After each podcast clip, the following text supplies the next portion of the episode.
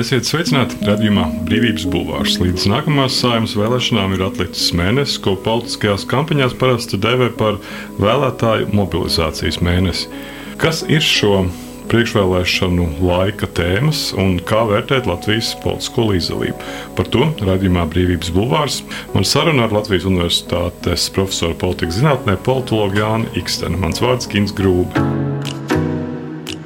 Jūnijā tikai 36% pauda viedokli, ka viņus apmierina, kā Latvijā darbojas demokrātija, kas bija līdzīgi kā pirms gada, bet mazāk kā 2019. gadā, kad uh, demokrātija apmierināja 41%. Vairāk kā puse, 52%, ir neapmierināti ar demokrātijas darbību Latvijā. Tāpat pēdējā gada laikā strauji pieaugusi pilnīga neapmierinātība līdz 21%. Tā SKDS aptaujas.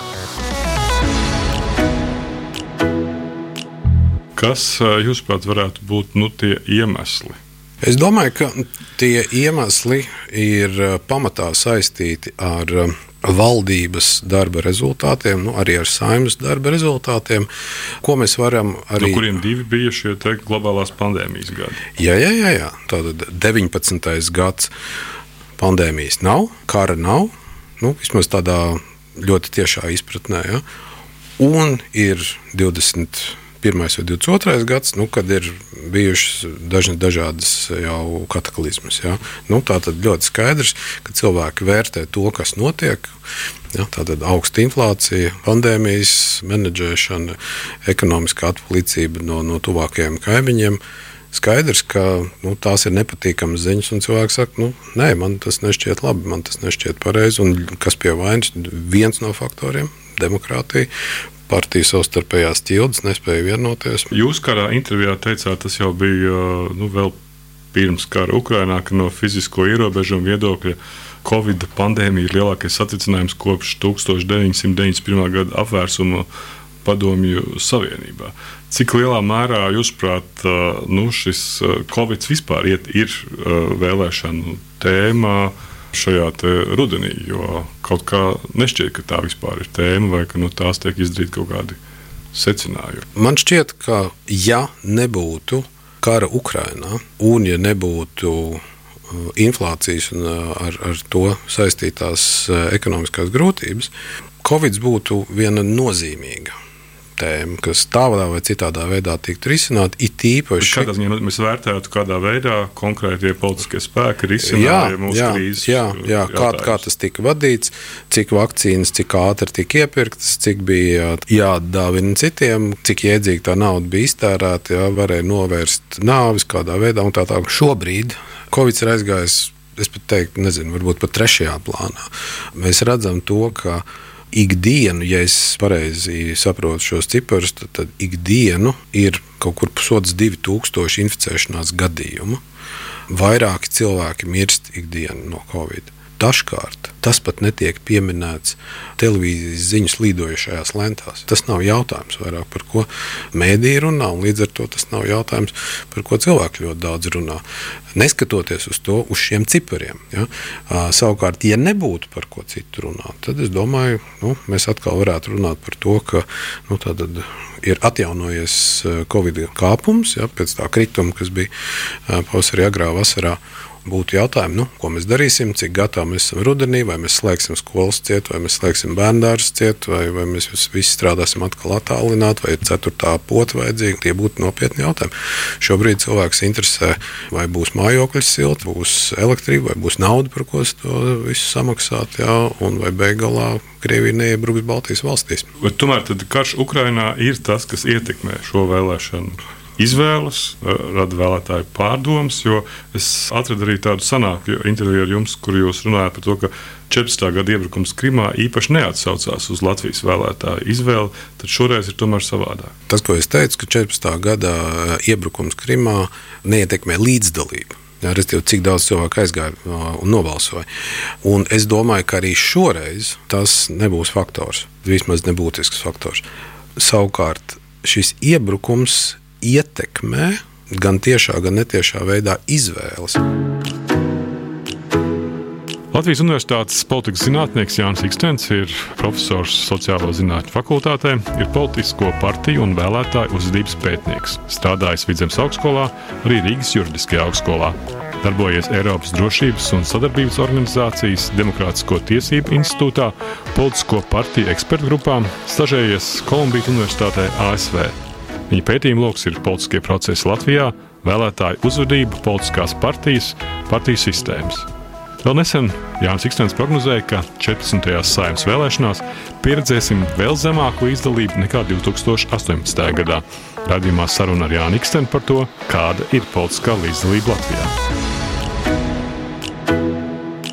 Ja mēs runājam par šo demokrātijas krīzes pazīmēm, vai vēlēšanu aktivitāte ir viena no šādām krīzes pazīmēm, ja mēs, nu, mēs varam redzēt, ka sākot no, no piektās saimnes vēlēšanām, principā tā aktivitāte ir ļoti, ļoti izteikti nu, samazinājusies. No 70, 60, 50 procentiem.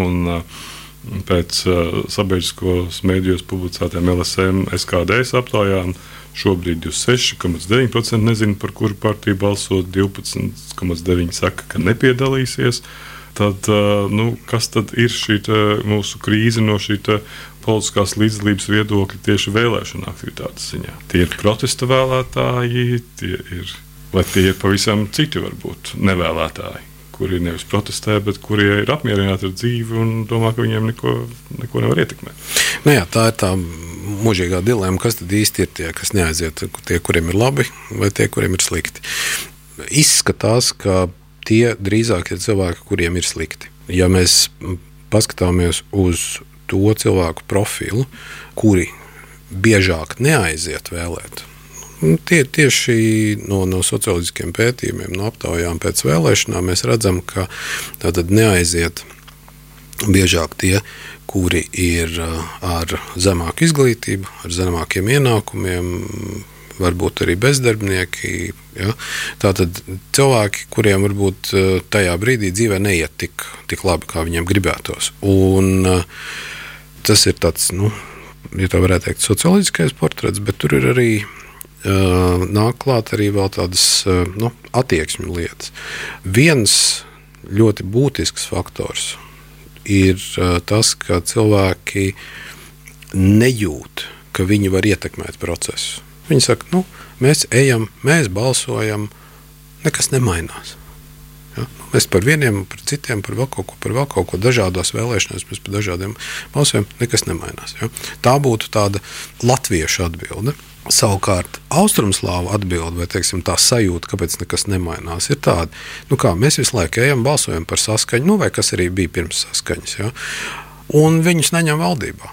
Viņi ir lielākā frakcija jau, jau cik sasaukums, un viņus nu, vienkārši ignorē, noliek pie malas. Nu, kāda jēga man ir iet balsot? nu, tad es labāk palieku mājās. Jūs pats teicat, ka aktīva līdzdalība vēlēšanās ir tāds valsts demokrātijas veselības rādītājs. Un, ja cilvēki tajās nebalso, tas nozīmē, ka viņi ir atsevišķināti no politikas un redz jēgu piedalīties vēlēšanās. Es to teicu tā, ka tas ir tāds uh, plaši izplatīts pieņēmums, ka tas ir tāds uh, nu, demokrātijas veselības rādītājs. Un tā normatīvā pozīcija ir tāda, ka nu, visiem ir jābūt uh, nu, tādiem aktīviem pilsoņiem, jā, nu, arī kaut kādā drusku tas izstaro to antīko priekšstatu vai antīkos ideālus. Un druscītiņi arī nu, klasiķus Omondu un Verbu atgādina ja, par šiem tā, nu, pietiekami aktīviem cilvēkiem, kur, kur iet, piedalās un tādā veidā pauž savu, savu viedokli un liek, liek manīt, nu, tātad, kas viņiem ir svarīgs. Un, piemēram, tos priekšstājus, kas ir savu darbu darījuši slikti, nu, tad izmet ārā. Ja? Bet es drusku citādāk uz šo jautājumu skatos. Man nešķiet pareizi, ja tā līdzdalība tiek mākslīgi konstruēta. Respektīvi, ka cilvēki tiek nu, burtiski dzīti uz vēlēšanām. Jo ar kādiem tādiem iniciētiem kampaņām un tādām lietām? Nu, iniciētas kampaņas, obligātā līdzdalība vēlēšanās. kas ir nu, tāds institucionāls mehānisms. Jā, jā nu, tātad, nu, ja tu neies uz vēlēšanām, dabūsi maksāt sodu vai, vai kaut kas vēl ar tevi slikts notiks. Vai partijas pašas var mobilizēt savus vēlētājus? Protams. Partijām Vai- vajadzētu ļoti aktīvi tieši uz to strādāt, bet viņiem vajadzētu mobilizēt savus vēlētājus. Tā kā mums tā partija ainava ir, ir sadrumstalota, jā, tad, Tad grūti saprast, kas ir- Jā, kas ir ir diezgan tas, grūti. Jā, jā, ir diezgan grūti. Jā, jā, tieši tā. Tātad, neveidojot šādu te, nu, kaut kādu tādu mākslu, jo kāpēc ir svarīgi, manuprāt, kāpēc ir svarīgi tos cilvēkus mākslīgi nedzīt? Ja? Tāpēc, ka tad šie cilvēki ir, ir apmulsuši, viņi aiziet, vi- jo viņi neinteresējas īstenībā par politiku, viņi ar, ar, ar, ar zobu sāpēm aiziet, par kaut ko nobalso. Un nav skaidrs, kāda ir patiesā to aktīvo pilsoņu politiskā griba. Bet Vienkārši tā, tā griba tiek kropļota šādā veidā. Bet tad mēs kaut kādā ziņā varam būt nu, arī mierīgi par to, ka nu, ir uh, aktivitāte, ir vidēji normāla. Uh, jā, Jo bet uh, hiperaugstu aktivitātei arī pastāv kaut riski. droši vien. mēs varam būt mierīgi, bet uh, situācijā, kad valdības un parlamenta darbs netiek vērtēts augstu, pilnīgi pašsaprotami. Kaut kādā brīdī radīsies jautājums, klausieties, kas jūs tādi esat, ko jūs vispār te pārstāvat? Jūs, pirmkārt, jūs esat kaut kādās tur mazās, mazās partijās, ja, kurās tur ir knapi pāri 500 biedru. Par jums ir nobalsojis absolūtais mazākums balstiesīgo pilsoņu. Ko jūs te meklējat? Kā vārdā jūs pieņemat lēmumus? Un šī ir situācija, no kuras, protams, būtu pareizi, gudri izvairīties. Uz 14. sājumu kandidē 1832 kandidāti, no kuriem 34 ir ar pamatizglītību, bet 432 vidēju izglītību. 58 ir bezdarbnieki, bet vairāk desmit norādījuši, ka pēc profesijas ir sētnieki, šoferi, pavāri, skaistumkopšanas speciālisti. Likumdošana nenosaka izglītības līmeni vai profesionālās zināšanas, kādām jāpiemīt deputāta kandidātam. Tāpat netiek pārbaudītas kandidāta zināšanas par valsts likumdošanu un saimnes darbu. Tāpēc par saimnes deputātu var kļūt personas, kurām trūkst izpratnes par deputātu darbu un tā nozīmi. Tā savā iniciatīvā portālā Mana balss raksta tie, kuri vāc parakstus, lai neļautu saimu kandidēt bez augstākās izglītības. Šobrīd jau parakstījušies vairāk nekā 6000.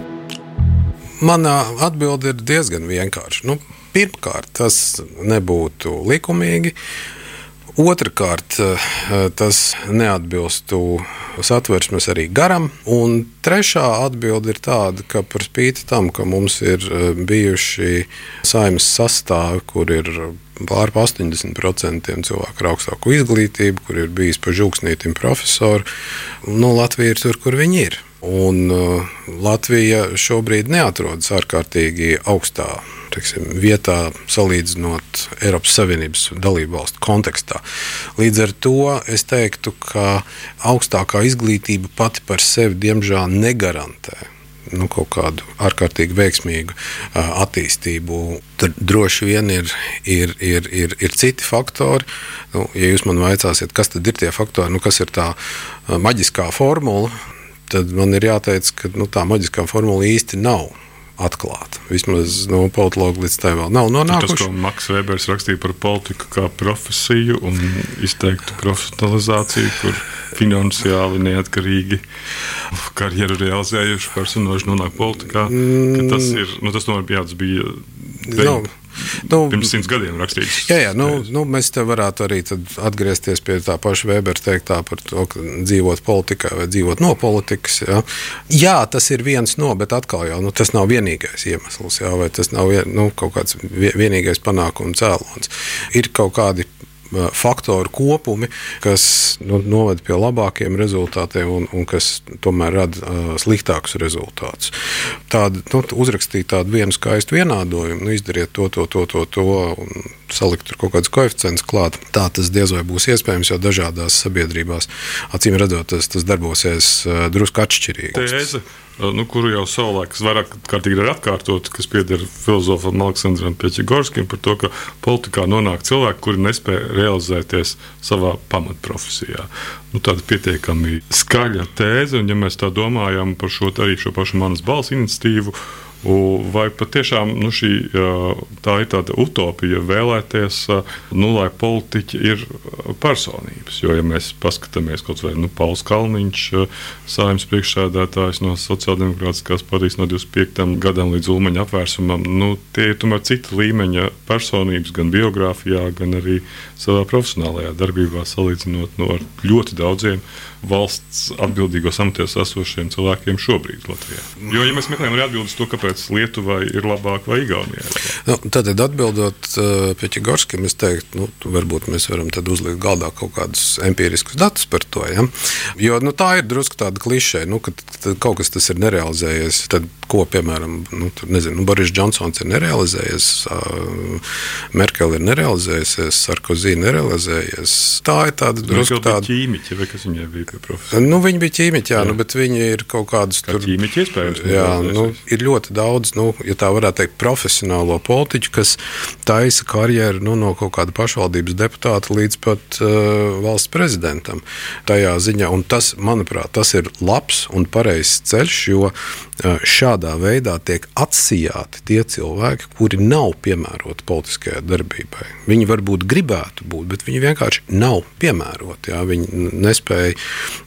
formulēt idejas, viņi nespēja šīs idejas aizstāvēt, argumentēt, viņi nespēja pārliecināt citus, viņi nespēja kaut kā tur konceptuāli domāt, viņiem nav plašs skatījums, tā, tā, tā tālāk. Ja?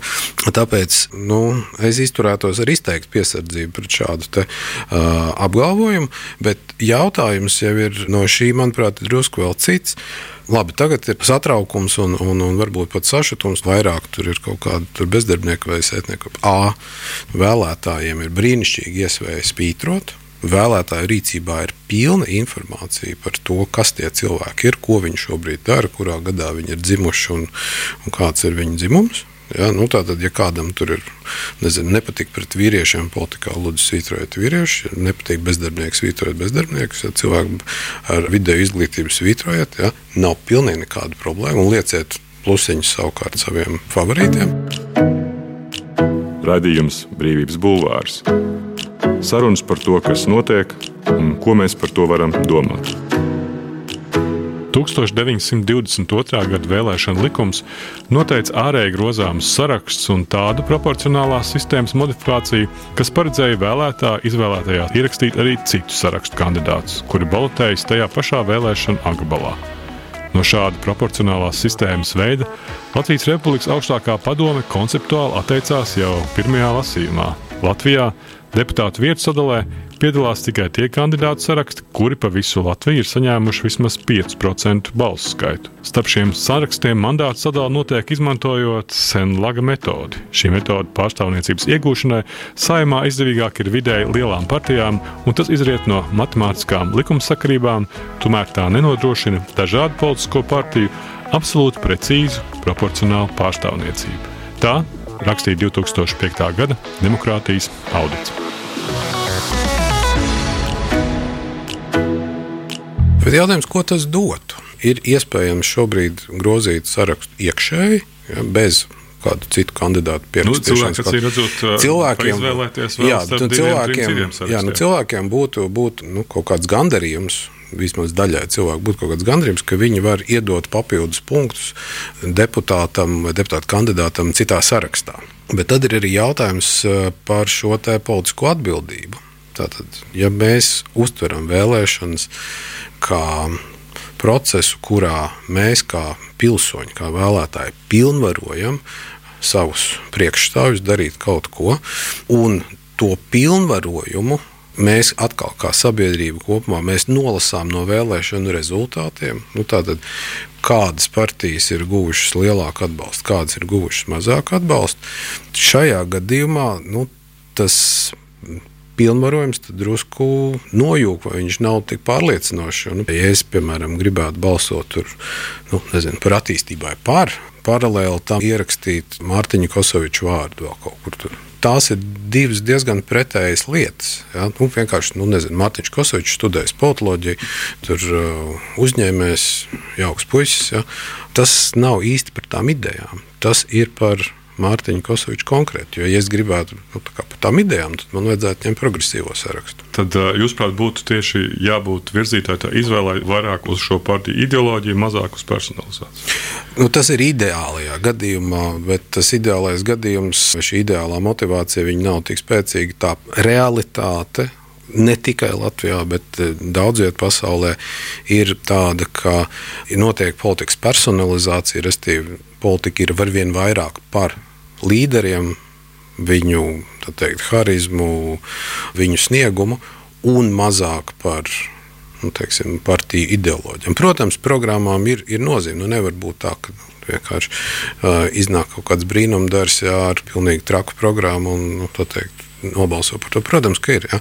Bet kopumā šī personalizācija ir saskatāma. Tur ir teikt, mēdīja milzīgā loma, īpaši televīzijas loma, no arī sabiedrības ciešākas iesaistes, mazināšanās to nodara. Nu, faktiski politika drusku kļūst kā tāda Vienā daļā tā varbūt ir arī izklaide, ka kaut kāds tāds seriāls, kas ir ilgs tādu nu, īsu brīdi. Tā vairs nav no tāda elektorāta viedokļa vai no pašu politikas? No vēlētāja viedokļa. Jo nav jau vairs tās spriedzes, tās spiediena, kāds tas bija piemēram antīkajā pasaulē. Kā no antīkajā pasaulē, ja tu izraudzījies eh, sliktus vadītājus, savus teiksim, pilsētu valsts vadītājus, tu riskē ar to, ka tu kļūsi par vergu. Vienkārši tev ir slikti vadītāji. Tie vadītāji nespēja vadīt pilsētas dzīvi. Konkurenti tevi sakauj, un tu kļūsi par vergu. Nu, ja tevi nenogalina tur tajā karā. Jā, līdz ar to tās likmes toreiz bija nu, nesalīdzināmāk augstākas. Nu, šobrīd tas ir vairāk tā, nu, jā, nu, mums te iet drusku sliktāk, jā, nu, kaut kā tā, bet nu, tomēr dzīve turpinās, ja suverenitāte nezūd pārsvarā gadījumu. Ir tīpaši būtu atkal atgriezties pie tā pašas idejas par vēlēšanu likuma izmaiņām, jo nu, ir taču arī diskutēts, ka 5% barjeri ir par mazu, ka vajag 7%. Un... Es domāju, tas tikai vēl vairāk uh, nodzīs uz leju līdzdalību, jo tad būs skaidrs, ka nu, tur nav iespējams. Uh, Bet tas mazinās ja, sadrumstalotību. Sadrumstalotību tas mazinātu, tā, tā mēs varētu domāt, bet tas radīs kaut kādu nu, nepamatotu mulsumu un gal galā tad, tad mēs varēsim atcerēties, ka nu, varbūt jā, mēs tā kā Turcijā sākam uzvesties. Jā, es nedomāju, ka tas ir tas risinājums. Es domāju, ka risinājums ir tāds, ka politiķiem ir jākļūst atsaucīgākiem. Jā, viņiem ir jākļūst kompetentākiem, un atsaucīgākiem sabiedrībai.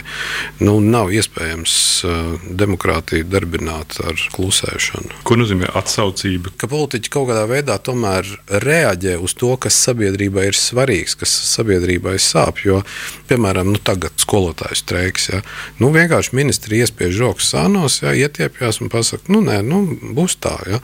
Bet, nu, skolotāji taču ir uh, milzīga profesionālā grupa. Ja. Tā, tie ir cilvēki, kas faktiski veido valsts nākotni. Jā, vienkārši ietiepties un pateikt, ka nebūs un viss vienkārši tāpēc, ka es tā teicu.